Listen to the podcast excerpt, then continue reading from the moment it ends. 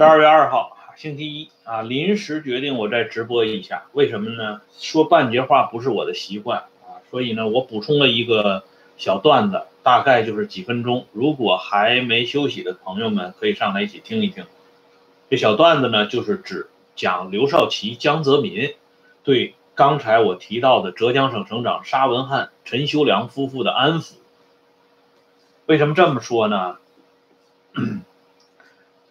因为沙文汉这个人啊，在中共党史上真的是一个很重要的人物，特别是在隐蔽战线方面呢。沙文汉、陈修良夫妇两个人之于中共在上海，就是说整个江浙地区，那是功不可没 啊！谢谢老弟打赏啊！沙文汉是中国共产党建立政权之后第一任浙江省省长。而且沙文汉这个家庭，刚才我已经提到了，他的那个弟弟沙文球，那是在大革命时期啊，就是说第一次国内革命战争时，就是这个时间段里边死掉的啊，为共产党抛头颅洒热血。他还有一个弟弟呢，是在延安，呃，整风审干抢救运动的时候不明不白的死时候死了。这一家人呢，为这个。共产党那真是殚精竭虑啊，豁出命来。还有一个小弟弟，那更厉害，叫沙文威。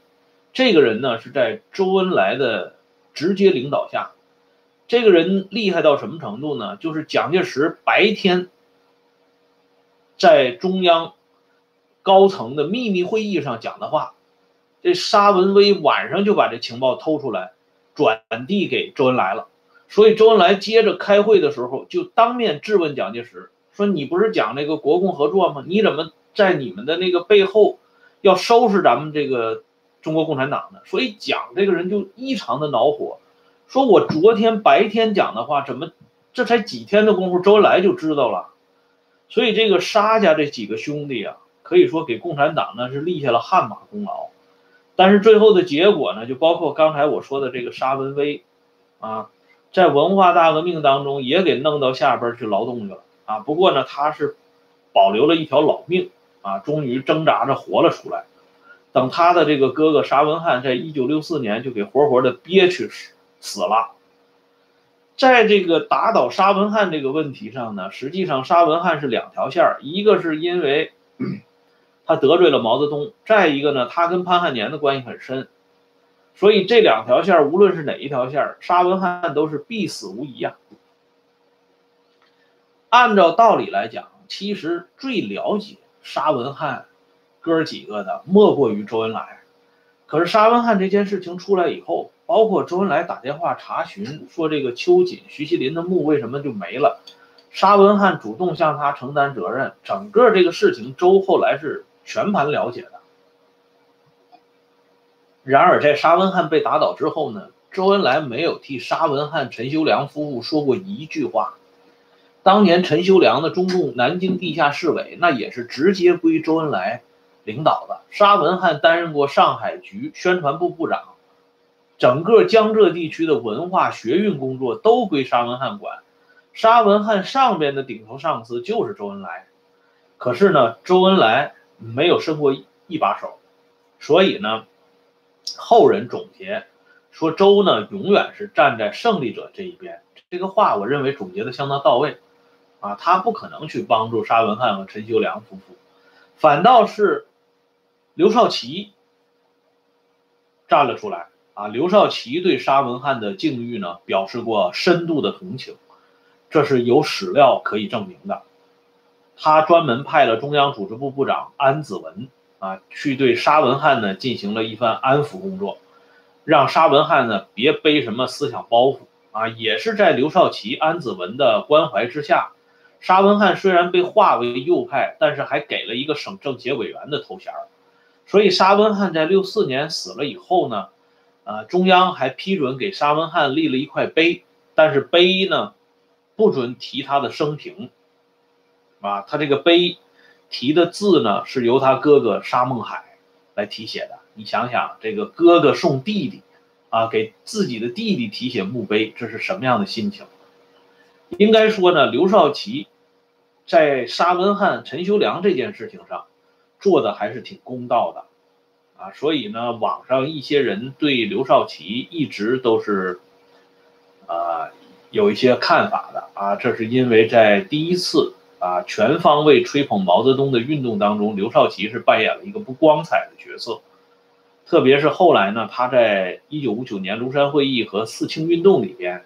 他又持持续扮演这种角色，所以呢，人们对刘少奇一直有着一种比较深的成见。但是我们认为啊，就是其实就是我个人认为啊，习惯了说我们认为，就是我认为这个历史人物呢，他有光明的一面，也有黑暗的一面。那么光明的一面呢，就是要说出来；黑暗的一面呢，也要无情的予以揭露啊。所以咱们不能光说刘少奇。不正常的一面，还要说他天公地道的另一面。接下来呢，就说一下这个江泽民啊，江主席。这老江呢，对沙文汉和陈修良夫妇两口子呢，也还算够意思啊。这里呢，我给大家看一下照片啊，这有这么一个历史照片，这是一九九八年十月六号，江泽民专门到上海华东医院去探望陈修良，这是照片。啊，这个时候呢，陈修良实际上已经是病入膏肓了，因为一个多月以后他就走了。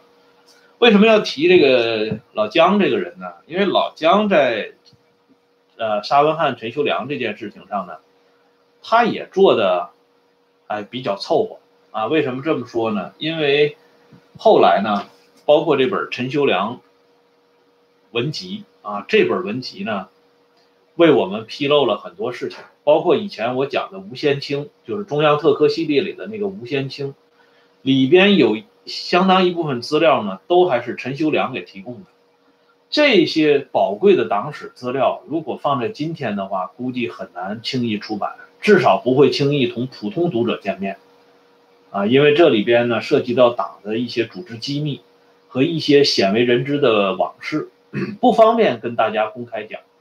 但是在那个时候呢，由于江泽民对陈修良比较照顾，所以这些东西呢还都是公开出版的东西。